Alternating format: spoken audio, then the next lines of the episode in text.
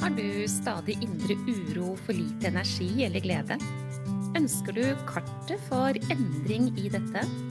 Hver episode er dedikert til å gi deg gullnøkler for livsglede og ro. Du får strategier og innspill som hjelper deg fra nedstemt til oppstemt og fra uro til ro. Vil du ha en gratis oppskrift for å lage deg gode dager? Gå til www.gayabalanse.no for din herlige morgenrutine. Er du en av de som eh, gjerne vil at noe skal endre på seg, men hvor du ikke har muligheten til å skape endringen? Er du en av de som skulle ønske at noe var på en annen måte, og så bruker du masse energi på å holde tak i ditt ønske om at det skulle vært eh, på en annen måte?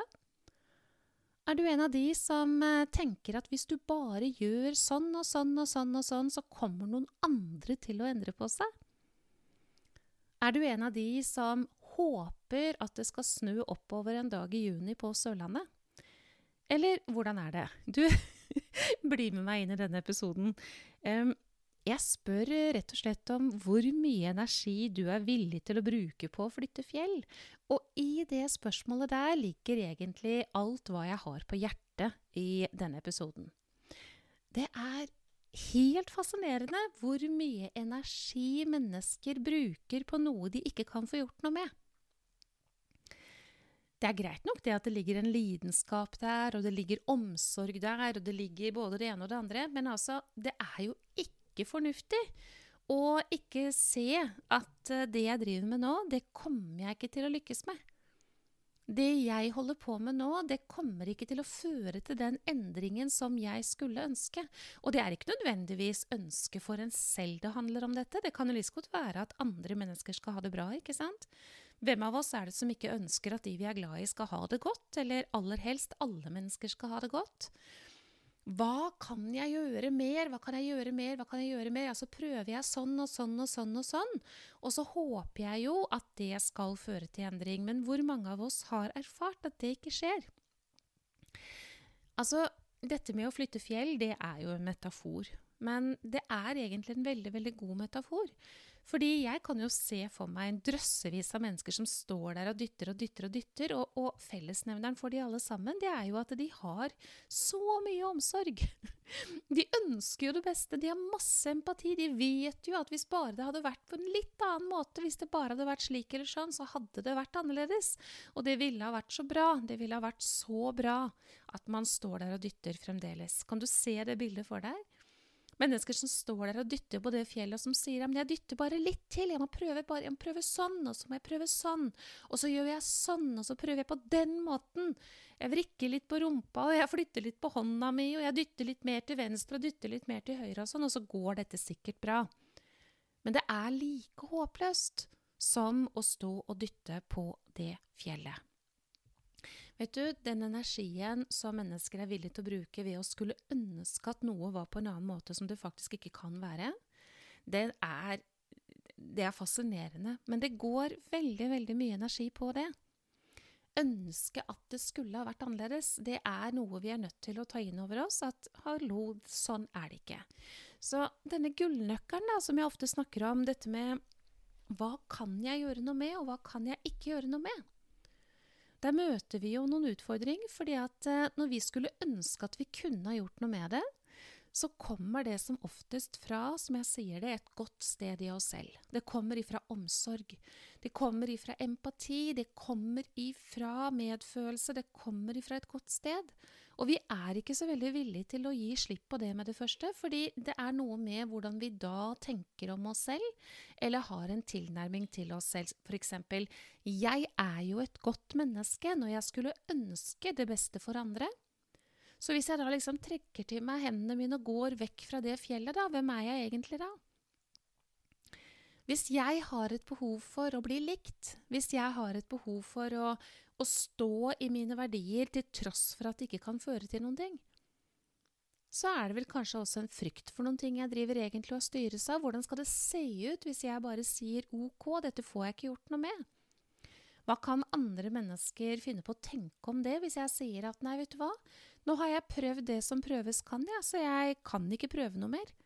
Jeg blir eh, utslitt av dette, jeg blir faktisk syk av dette. Og ville, skulle, mene, ønske. Det går jo ikke. Jeg har prøvd og prøvd og prøvd, men jeg kan ikke se i det hele tatt at det jeg driver med, kommer til å føre noe sted. Hvordan kan det tenkes at det blir dømt uh, fra noen utenfor deg selv? Ja, uh, det kan tenkes at noen vil tenke ufordelaktig om deg hvis du gjør det.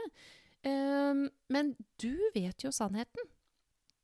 Du vet jo at du har stått og dyttet på fjell, og at du på et eller annet tidspunkt må la det være, hvis ikke du har tenkt til å knele selv, fordi det er det som er enden på visa.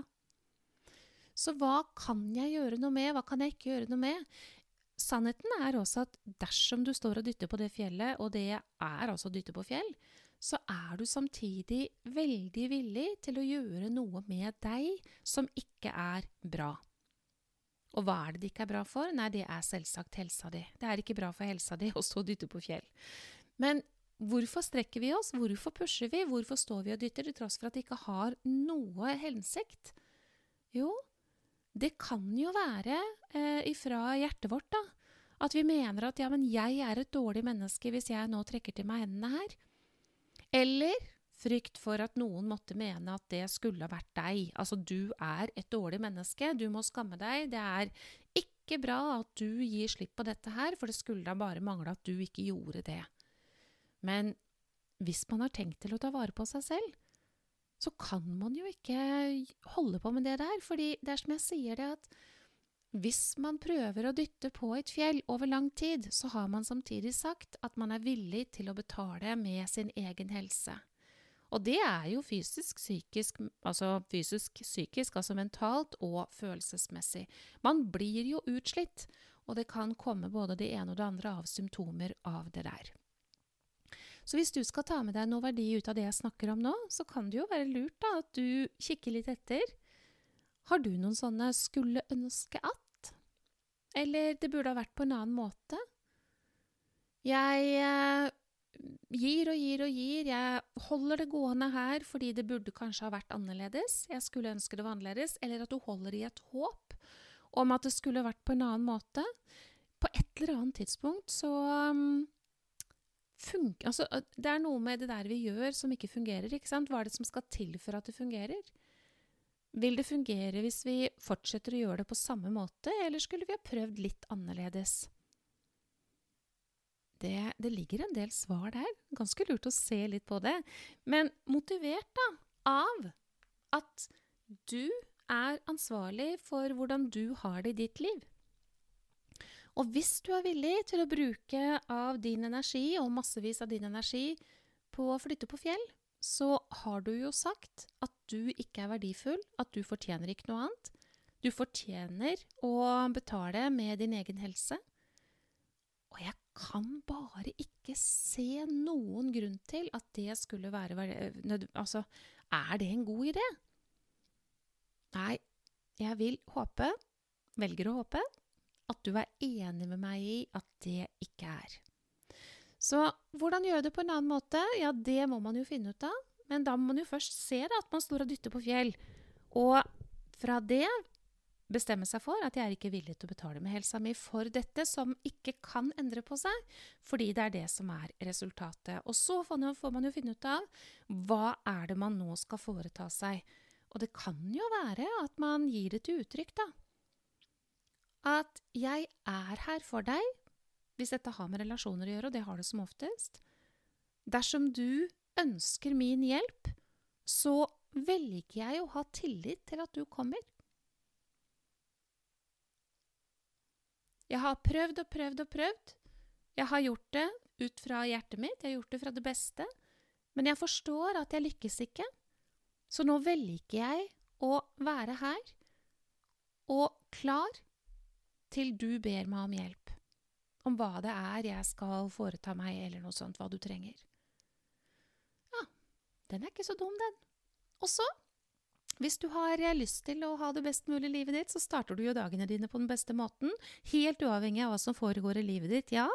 Så gå inn på gaiabalanse.no og sikre deg din herlige morgenrutine, som uh, setter um, det rette fokuset på hver eneste dag, og det syns jeg at du fortjener.